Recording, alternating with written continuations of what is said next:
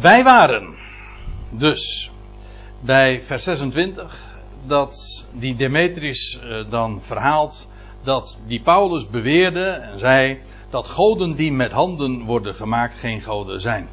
En wat er op, op deze Demetrius ook allemaal is aan te merken, dit klopt als een bus. En we hebben dat gezien in wat Paulus op, in Athene had verteld. En nou ja, ik heb er nog eentje. Dat staat in Psalm 115. Hun afgoden, dan gaat het over de goden van de natieën, zijn zilver en goud. Het is het werk van mensenhanden. Zij hebben een mond, maar ze spreken niet. Ze hebben ogen, maar ze zien niet. Ze hebben oren, maar horen niet. Ze hebben een neus, maar ze ruiken niet. Hun handen, ze tasten niet. Hun voeten, maar ze gaan niet. Ze geven geen geluid met hun keel. Dus het zijn met recht niet zeggende Joden. Eh, Joden. Neem me niet kwalijk. Ja. Goden, niets zeggende goden. Wij hebben een God, de God, die is per definitie woord. Ja. En hij ziet en doorziet, nou ja, over de mond en de ogen en de oren en de neus. En de handen des Heren, we lezen er vele malen over. Dat is reëel. Dit is allemaal werk van mensenhanden. Telt totaal niet. Wel, die boodschap van Paulus, die was zeer overtuigend voor velen. En dat is precies wat die Demetrius met zijn hele vakorganisatie, om zo te zeggen, even in eh, termen van 2016 geformuleerd, eh, zorgen baarde. Want dan zegt hij: wij lopen, wij lopen niet alleen gevaar dat deze tak van arbeid, dit deel eh, van. Um, en daarmee dus doelt hij op de tak van arbeid niet meer in tel zal zijn. Maar ook dat het heiligdom van de grote Artemis van de grote godin Artemis van geen betekenis meer geacht zal worden. Dus hij begint met, zijn, met de tak van arbeid. En dan dat, dat uh, dreigt. En de inkomsten die, ga, die gevaar liepen. En dat waarom? Dat, niet, of dat niet alleen, maar het is ook het, heiligdom zelf van de grote godin Artemis. Eh, moet zich realiseren dat dit heiligdom, ik heb er voor de pauze al iets over gezegd, maar dat heiligdom van de grote godin Artemis, dat behoorde tot de al tot een van de zeven wereldwonderen. De tempel in Jeruzalem trouwens ook. Maar deze, dit heiligdom in Efeze net zo goed. En wel, die Demetrius die zet het wat uh, dramatisch aan. Natuurlijk ook om uh, al die mensen van zijn, gilde, van zijn gilde te activeren en om hen over te halen. Hij zegt het heiligdom van de grote godin Artemis die dreigt uh, te worden, hoe staat het? Zal van geen betekenis meer geacht worden. Dit is een, uh, een, maquette van dat heiligdom. Zoals die eruit gezien zou moeten hebben. En goed, en hij zegt dus. Uh, het sta, hij staat, staat nu op het punt. om van nul en geen betekenis meer geacht te worden. Hij zag daarmee overigens wel een beetje profetisch, want ik, heb, ik kwam ook nog een plaatje tegen. Hoe het er momenteel uitziet. Dat is niet vanwege Paulus, moet ik erbij zeggen. Maar dit is wat je ziet in de tegenwoordige tijd als je naar Efeze gaat en dit uh, nog enkele overblijfselen. Dit is dus hoe dat gaat met uh, werk van mensenhanden. Hm? Om daar een klein beetje een idee van te hebben. En ik lees even verder in vers 27. En ook, en dat, ook, dat zij ook, van ook zij van haar luister beroofd zal worden. Dus eerst heeft hij, hij begint met de inkomsten van die tak van arbeid. Vervolgens het heiligdom. En nou uiteindelijk eindigt hij bij deze godin zelf. Dat ook zij van haar grootsheid, haar luister, luister, dat dat neergehaald zal worden. Zij die door heel Azië en de ganse wereld als godin wordt vereerd. En dit was trouwens niet overdreven hoor. Want, uh, nou we memoreerden al een beetje in die richting het was inderdaad zo dat niet alleen Azië, maar de hele wereld, in de hele bewoonde wereld, de oikomene, wordt dat, ons woord eumene is daarvan afgeleid, de bewoonde wereld werd deze godin vereerd. Dus ook daar vonden enorme grootse pelgrimages plaats. Vandaar ook dat die, dat die zilversmeden eh, met die, met die maquettes te maken, die kleine, die kleine tempels, dat, dat vond gretig aftrek. Vooral die pelgrims die daar kwamen, die namen dat vervolgens weer mee als een soort amulet of als souvenir, whatever. Maar in ieder geval, in de hele wereld vond de dienst van deze godin, uh, of de dienst aan deze godin, een, uh, vond dat ingang en had een grote betekenis. Vandaar ook, zoals gezegd, Efeze was het religieuze centrum van de wereld in die dagen. Toen zij, de mannen van het vakgebied, dit hoorden, riepen zij in heftige opwinding: Groot is de Artemis der Efeziërs. Dat, is, dat wordt dan vervolgens ook uh, gescandeerd. Scanderen, hoorde ik uh, laatst, dat wist ik helemaal niet, maar scanderen betekent iets in lettergrepen neerzetten. Dat als, als, als je in grote koren bent, dan spreek je niet meer in woorden, maar in lettergrepen. Dan praat je in lettergrepen, weet je wel zo dat. En dan iets langzamer. Maar in ieder geval, er werd gescandeerd in zijn schreeuwden, zo staat het letterlijk. Uh, ze waren in opwinding, nou van woede staat er zelfs. Ze schreeuwden zeggende, groot is de Artemis van Efeziërs. Dat was hun antwoord daarop.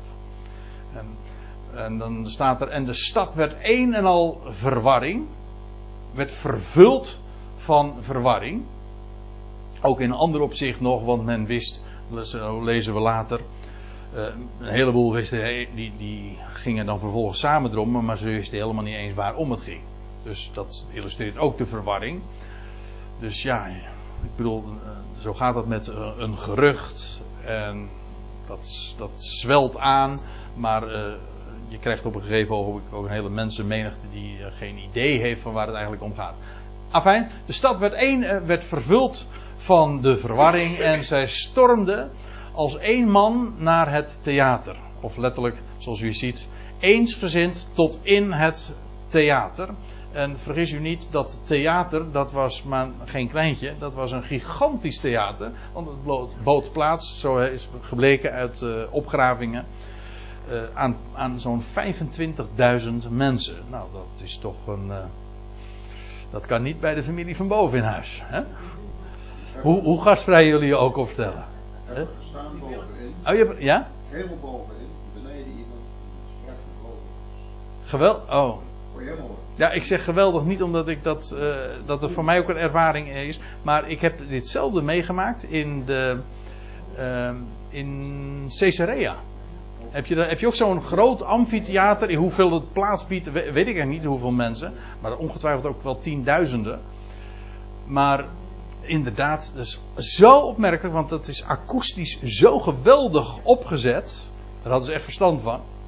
Want inderdaad, wat jij zegt, dan stond men beneden en men kon fluisteren en dan hoor je het bovenaan. Ik heb datzelfde ook meegemaakt. Dat, uh, dat is geen flauw grapje, dat is echt zo. Maar in ieder geval, dat, uh, dat theater. Dat was ook het theater trouwens, waar, waar dan ook volksvergaderingen werden belegd. Maar daarover later meer. Afijn, ze eensgezind tot in het theater. Niet naar het theater, maar tot in het theater.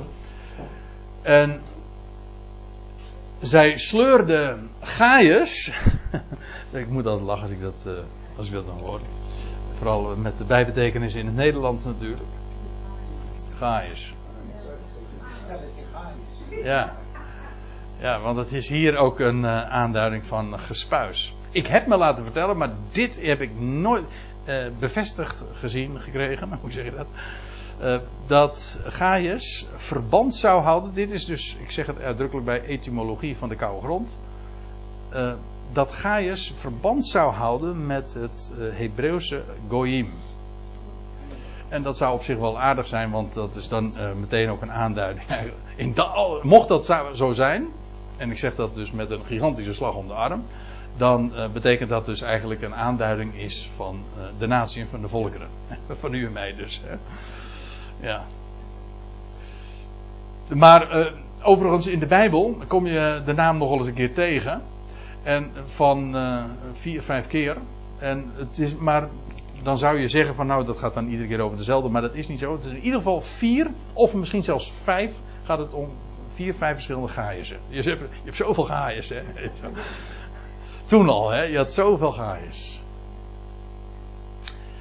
En het was trouwens een Latijnse naam, hij is bekend ook van uh, Romeinse keizers. Men, ja, want dat heb ik er wel over gevonden, dat uh, niet bekend zou zijn uh, waar de naam dan, of de, de oorspronkelijke betekenis is dan onzeker. Dus vandaar. Die slag om de arm bij mij ook. Ze sleurden Gaius en Aristarchus, dat is een naam die we ook die is veel bekender. Nou ja, als persoon in ieder geval. Want Gaius is een, een naam die uh, op, uh, op, op, diverse personages betrekking heeft in de Bijbel. Aristarchus niet. deze man die kwam uit Thessalonica, weten we. Want als we nou een paar versen doorlezen, daar komen we later over te spreken. Vanavond niet meer. Dan staat er, wordt gesproken over Sopater, de zoon van Pyrrhus uit Berea. En van de Thessalonicensen, Aristarchus. En hé, hey, daar hebben we hem. Secundus, weet u nog? Ja, ik wist. En Gaius uit Derbe. Maar dat, kijk, dat is nou een leuke illustratie. Want kijk, hier zie je. Gaius eh, waar, en Aristarchus, dat waren Macedonische rijks, reisgenoten van Paulus. Deze Gaius kan dus nooit dezelfde zijn als een paar versen later. Want deze Gaius kwam uit Derbe. Misschien dat het juist om die reden ook zo bijgezet. Dit is niet dezelfde. Deze komt uit Derbe. En Derbe lag niet in Macedonië. Uh, maar Aristarchus kwam uit Thessalonica. En Secundus dus ook. ja. En Timotheus uit Azië, dat weet u, Antichicus en Trofimus. Die vergezelde Paulus allemaal. Later komen we hem trouwens nog een keer tegen. Hij is nu ter ziele. Ik zag hem al knipperen, een waarschuwingslampje. Doen we het zo. Hè? Nou, ik doe het nu zo wel even zo'n zo punt is dat nou ook weer niet. Ik ben nogal sportief ingesteld, uh, Wouter. En, en op een schip uit in Handelingen 27, uh, eh, uit uh, Adrimitium, dat naar de kustplaatsen van Azië zou varen, kozen wij zee. Daar is Lucas dus ook bij, dat is de schrijver dus ook bij, als hij zegt wij. Kozen wij zee met Aristarchus, een Macedoniër uit Thessalonica. Kijk, dat, maar dat wisten we feitelijk al. Uh, die was daar dus bij. Toen, dus, dat betekent dus toen Paulus schipbreuk leed, daar was Lucas bij. Dat blijkt sowieso uit de wijvorm, maar ook deze Aristarchus maakte ook deel uit van dat uh, reisgezelschap. En dan later in de Colossense brief, dan lees je dat Paulus uh, in Rome is en zijn medegevangene Aristarchus was daar dus ook bij. En die deed dus de groeten aan degenen die in Colosse waren. Colosse ligt trouwens ook in Azië. Nou. Goed. En oh ja, in Filemon komen we ook nog eens tegen.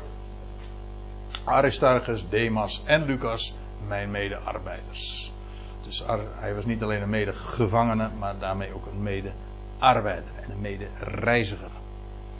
Dat is dus uh, die Aristarchus die grepen zij, daar moet ik er even bij zeggen.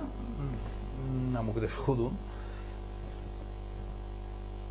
Uh, want de stad werd eenmaal verwarring en ze stormden als eenmaal naar het theater en sleurden Gaius en Aristarchus, Macedonische reisgenoten van Paulus, mee. Paulus was daar niet bij. Om welke reden weet ik niet, want je zou zeggen van het was de, de verzet was in de eerste plaats gericht op Paulus. Deze Paulus, weet u wel, had hij had Demetrius uh, gezegd. Maar ja, kennelijk konden ze Paulus niet vinden om een of andere reden. En Gaius en Aristarchus, die toch ook bij het uh, gezelschap van Paulus en de predikers hoorden, die hebben ze meegesleurd. En toen Paulus zich onder het, toen Paulus zich onder het volk wilde begeven, dan lezen we, toen lieten de discipelen hem dit niet toe.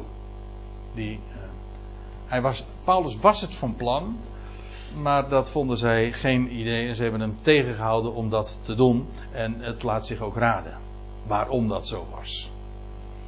Want het waren een stelletje wilde dieren. maar ik, nu gebruik ik Paulus' uh, eigen terminologie in dit verband. Maar Paulus was niet, uh, voor een kleintje verwaard, die was niet zo bang uitgevallen. Maar uh, ik denk dat het erg verstandig is geweest dat de discipelen hem hiervoor hebben bewaard. Um, en staat er nog bij, zelfs zonden enige van de overste van Azië, die hem wel gezind waren, hem de waarschuwing zich niet in het theater te wagen. Dus dat bevestigt wel dat inderdaad die discipelen er heel verstandig aan deden om Paulus hier buiten, deze, buiten dat theater te houden. Want zelfs overste van Azië, van, van Azië, er staat letterlijk een, een woord dat is Asiarchen. En een Asiarch, ik heb dat nog eens nagekeken. Uh, dat is natuurlijk een overste van Azië, maar uh, in deze, het is een speciale Romeinse titel ook. Het was namelijk een voorzitter van, uh, van de publieke festiviteiten. En publieke festiviteiten waren vooral ook festiviteiten, allemaal in, met name gerelateerd aan de cultus van de keizer.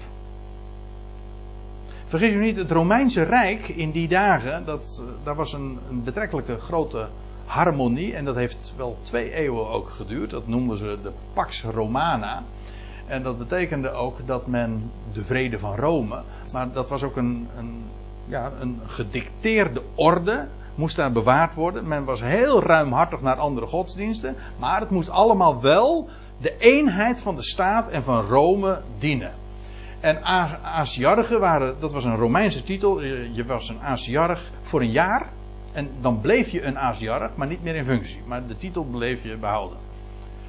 Dus dat was een, een hoge functie en zij waren verantwoordelijk voor nou, de publieke festiviteiten. En enige van die Asiarchen, dat waren dus hoge pieten om zo te zeggen, die hem welgezind waren. U ziet in de, in de interlineair, dat staat gewoon letterlijk vrienden. Waren, het waren vrienden dus van Paulus. Eigenaardig hè, dat je dat zo leest. Dus dat in de, in de top, ja, Asiarchen, dus was een, een, een zeer gerespecteerd uh,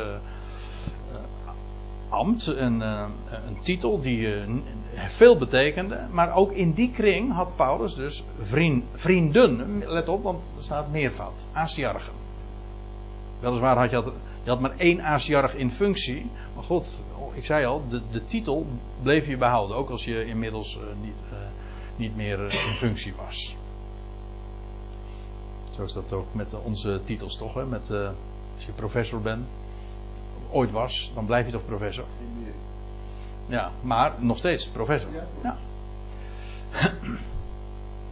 Afijn, die, dat waren vrienden en die zagen dat dus, dus ook al helemaal niet zitten dat Paulus zich in dat gezelschap zou mengen.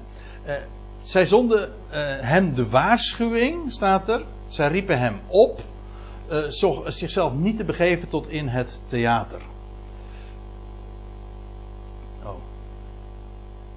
Nou. nu, riep, nu riep de een dit en de ander dat. Zo gaat dat, hè? Als je dan, we hadden het al over de, de grote verwarring uh, alles wat zich daar dus naar dat theater had bewogen. En uh, nou ja, dat was dus uh, heel massaal allemaal. Nu riep de een dit, de ander dat, want de volksvergadering was verward. Ze riepen, ze schreeuwden het gewoon. Ze waren verward, ze waren in verwarring gebracht. Dat was allemaal, in feite begon bij die Demetrius als een soort vakbondsleider. Die, dat, allemaal, dat protest, dat zwelde aan en dat werd steeds groter. En er staat er nog bij, en dat is precies waar ik al eerder even ook aan refereerde. En de meesten wisten niet eens waartoe zij samengekomen waren. Wisten zij veel.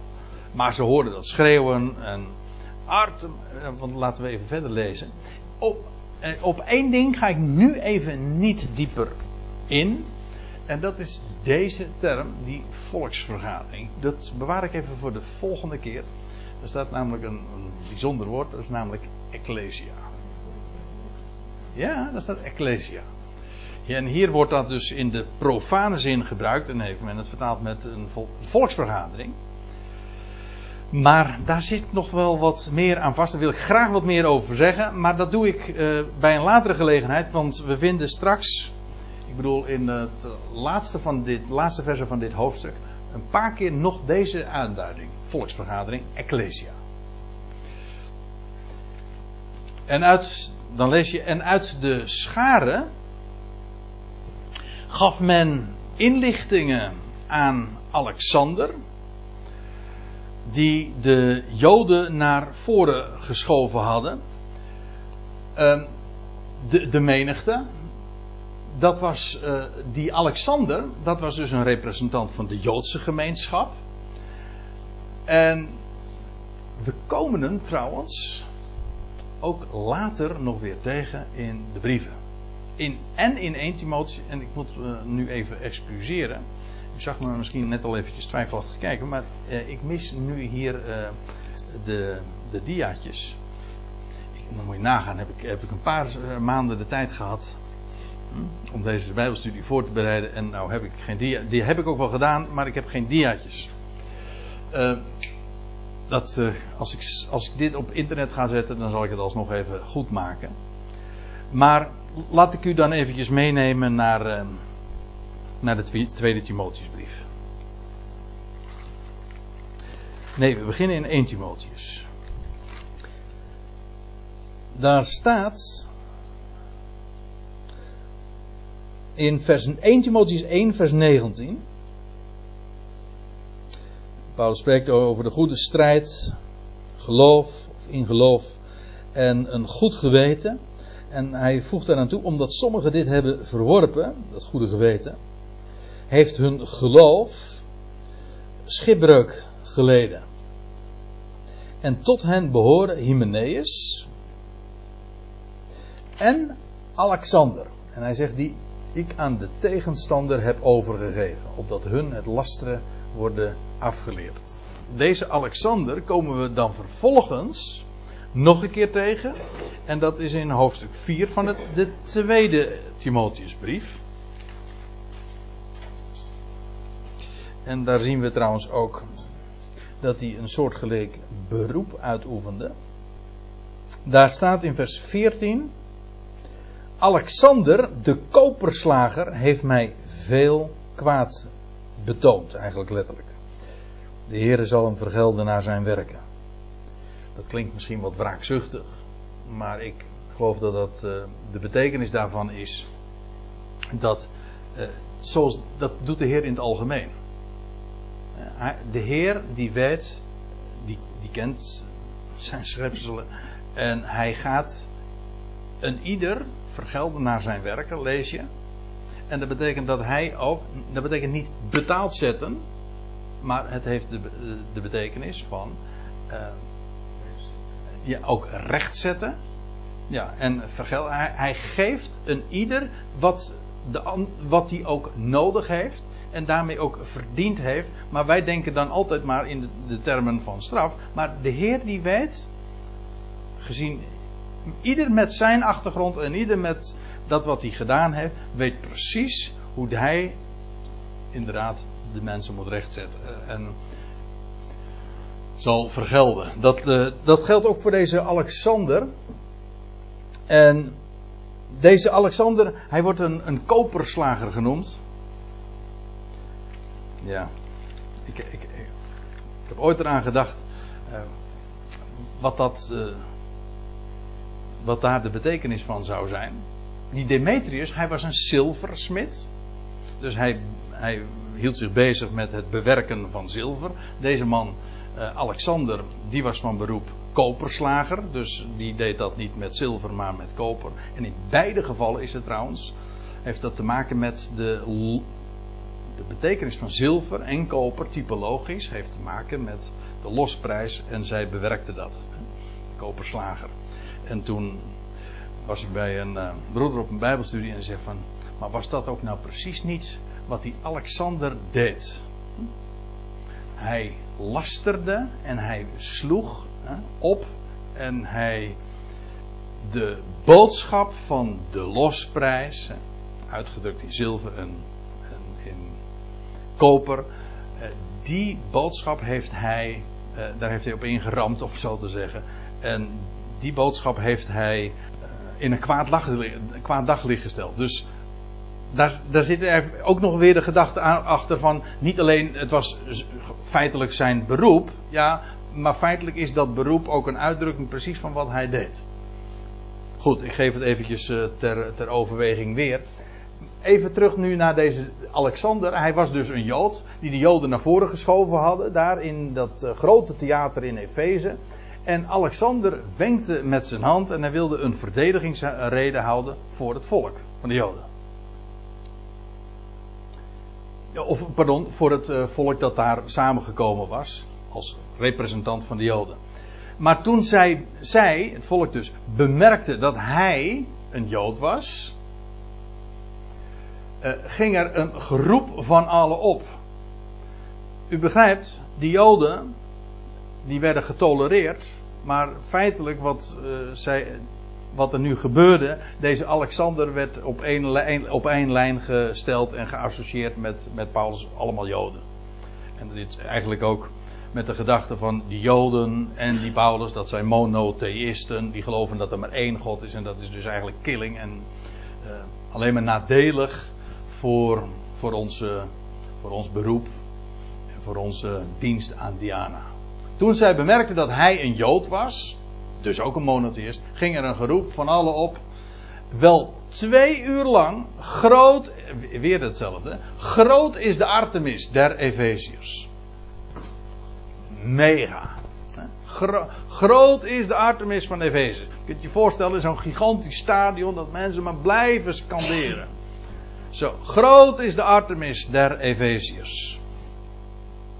Dus een complete hysterie uh, ontstond daar.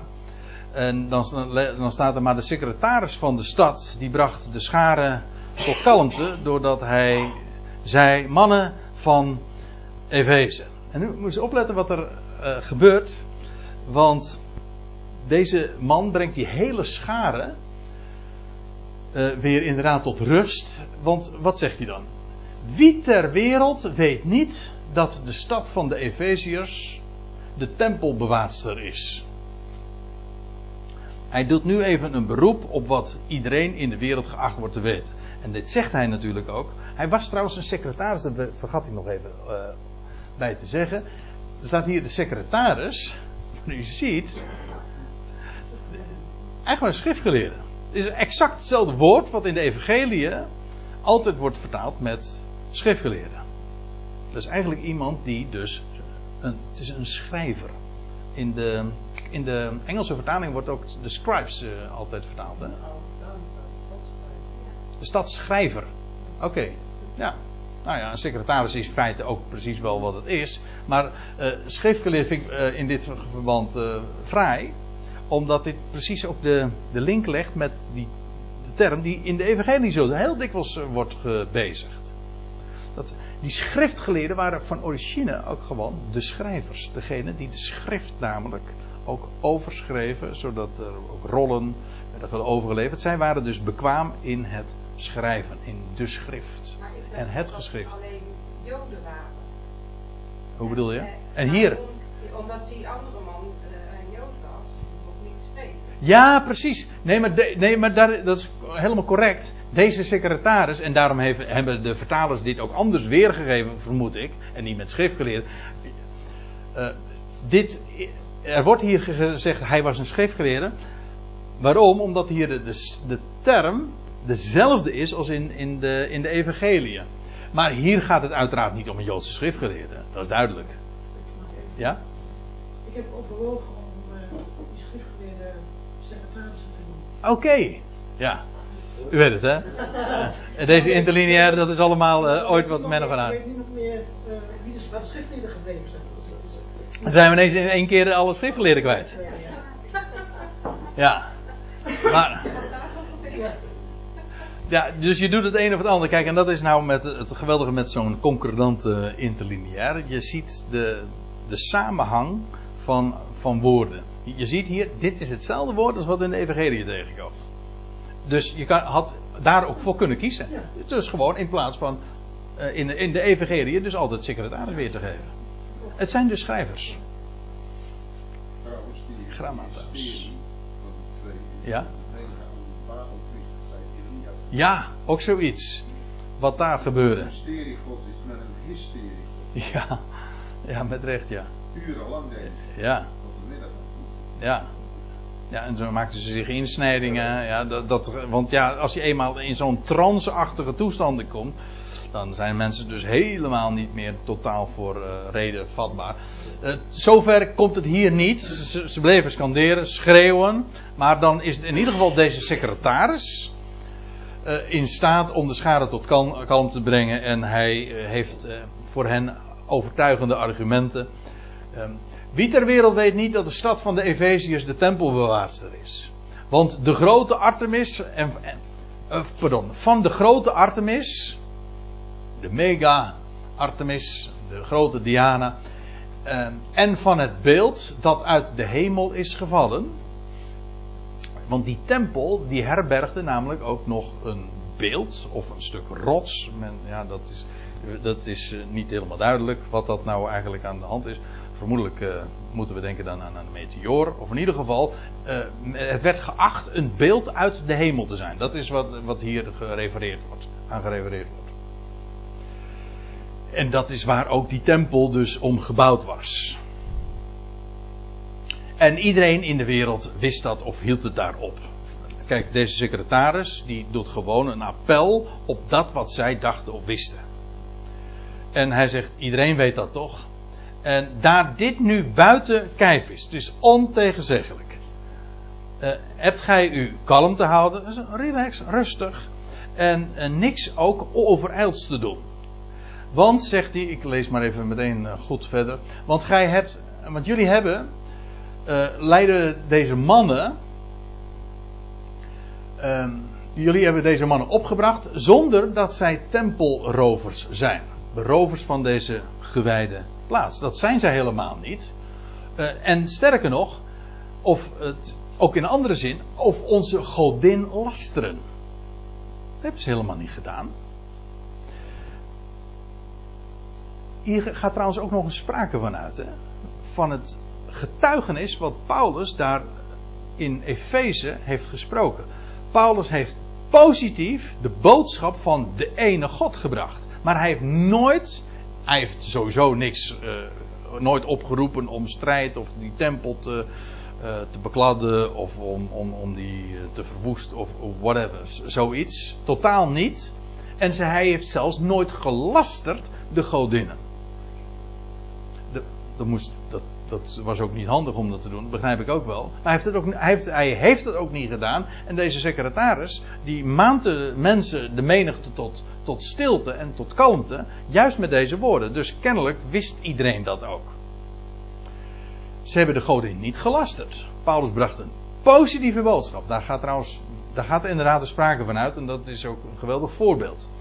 Indien derhalve Demetrius, die man die vakbondsleider om zo te zeggen, en zijn vakgenoten iets tegen iemand hebben in te brengen. Ik lees meteen maar gewoon even goed verder. Er worden rechtszittingen gehouden. En er zijn landvoogden, pro, proconsuls, stad, eigenlijk uh, elders wordt dat uh, dan genoemd uh, stadhouders. Laten zij een aanklacht tegen elkaar dan indienen. Met andere woorden, ga naar de geëigende plaats, naar de geëigende personen, naar de rechtmatige naar, rechtszittingen. En indien gij dan nog iets meer te verlangen hebt, dan zal dit in de wettige volksvergadering worden beslist. Hier heb je weer dat woordje ecclesia. Want, zegt hij, en nou komt het, uh, komt hij tot de conclusie van zijn, uh, van zijn reden, waarom hij inderdaad, uh, hij, hele menigte die twee uur lang gescandeerd heeft, groot is de Artemis der Efeziërs. Ze zijn nu tot rust gebracht, want hij zegt, wij lopen gevaar van oproer te worden aangeklaagd. Deze secretaris wist waar hij het over had. En dat zou buitengewoon gevaarlijk zijn, ook voor de hele status van de stad Efeze. We lopen gevaar van oproer te worden aangeklaagd om de dag van vandaag. Daar er geen enkele reden is aan te voeren naar Rome toe waarvoor wij verantwoording zullen kunnen afleggen ter zake van deze samenscholing. Dat is dus op geen allerlei wijze rechtmatig te verdedigen. En dan staat er, en met deze woorden ontbond hij de volksvergadering. En dan zijn we toch nog bij het einde van, uh, ja, het einde van Handelingen 19 uh, gekomen. En dat lijkt me ook wel uh, ter zake, want dit is eigenlijk een geschiedenis op zich. Zo is de volksvergadering, als deze volksvergadering die niet wettig was, maar alsnog ontbonden en zo is het het tijd toch nog gekeerd. Trouwens, dit is de uiteindelijke aanleiding voor Paulus om inderdaad weg te gaan. En de volgende keer wil ik graag nog even wat zeggen. Voordat we met hoofdstuk 20, vers 1 beginnen. Over deze Ecclesia. Want daar, dat is bijzonder genoeg. Maar ik zie, ik zie uh, de tijd ontbreekt me om dat nu nog even goed uh, uiteen te zetten. Dus ik stel voor dat we het uh, vanavond hierbij laten.